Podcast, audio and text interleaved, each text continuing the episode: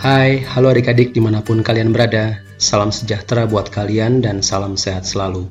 Bersyukur atas segala apa yang adik-adik miliki saat ini dan tentunya setia pada perkara-perkara yang sudah Tuhan berikan, tetaplah bertumbuh dalam iman, pengharapan, dan kasih. Kembali hari ini kita mau membaca dan merenungkan firman Tuhan. Renungan kita hari ini berjudul Kehidupan Seorang Raja Bernama Manasye dengan nats Alkitab dari 2 Raja-Raja 21 ayat 17 sampai 18. Sebelum kita membaca dan merenungkan, mari kita berdoa. Tuhan Yesus, terima kasih buat hari yang baik ini untuk kami dapat membaca dan mendengarkan firman-Mu.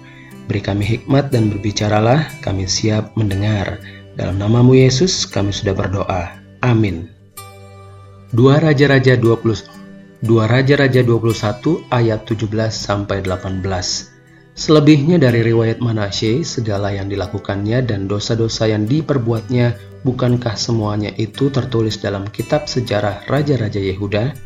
Kemudian Manasye mendapat perhentian bersama-sama dengan nenek moyangnya, dan ia dikuburkan di taman istananya di Taman Uza. Maka Amon, anaknya, menjadi raja menggantikan dia. Demikian firman Tuhan hari ini. Adik-adik, fokus renungan kita hari ini adalah ayat 17 dari 2 Raja-Raja 21 yang berbunyi, Selebihnya dari riwayat Manasye, segala yang dilakukan dan dosa-dosa yang diperbuatnya, bukankah semua itu tertulis dalam kitab sejarah Raja-Raja Yehuda? Adik-adik, hari ini kita mau belajar dari riwayat Raja Yehuda yang kala itu masih remaja usianya, yaitu Manasye.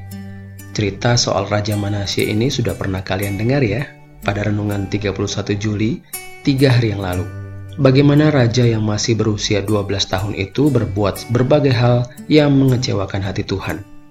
Tuhan yang telah menolong mereka selama ini, Tuhan yang sudah begitu baik kepada bangsa Yehuda juga bangsa Israel. Tidak seperti ayahnya, yaitu Raja Hizkia. Raja Manasye justru berbuat hal yang jahat di mata Tuhan. Ia membuat patung berhala dan menempatkannya di bait Allah Walau sudah diperingatkan, Raja Manasye malah mengeraskan hatinya dan tetap berbuat jahat di mata Tuhan. Melihat hal tersebut, Tuhan sangat marah dan mengirimkan bangsa Asyur untuk menyerang Yehuda, sehingga akhirnya Raja Manasye ditangkap. Itu adalah hukuman yang diberikan Tuhan atas kejahatan Raja Manasye, sehingga bangsa Yehuda pun turut menanggung kesalahan raja mereka. Setelah mendapatkan hukuman tersebut, Raja Manasye pun akhirnya menyadari kesalahannya kepada Tuhan Allah mereka. Manasye memohon ampun pada Tuhan, sehingga Tuhan Allah yang Maha Kasih itu pun mengampuninya dan membuat Raja Asyur mengembalikan gelar raja kepada Manasye. Seiring dengan kasih pengampunan Tuhan, Manasye pun menghancurkan berhala-berhala dan Manasye juga memerintahkan bangsanya untuk menyembah Tuhan Allah.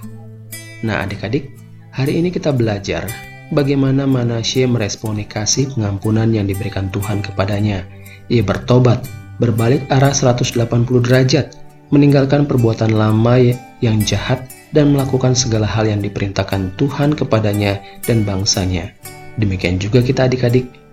Ketika kita melakukan hal yang jahat di mata Tuhan, Tuhan ingin kita mengakui dan memohon ampun akan kesalahan-kesalahan kita juga berbalik meninggalkan hal yang jahat itu dan melakukan hal yang baik di mata Tuhan.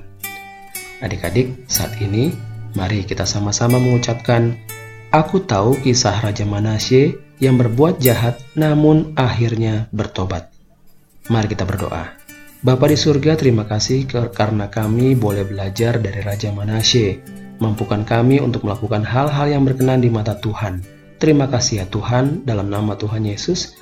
Amin. Demikian adik-adik firman Tuhan hari ini. Selamat merenungkannya di hari ini. Sampai jumpa besok. Tuhan Yesus memberkati.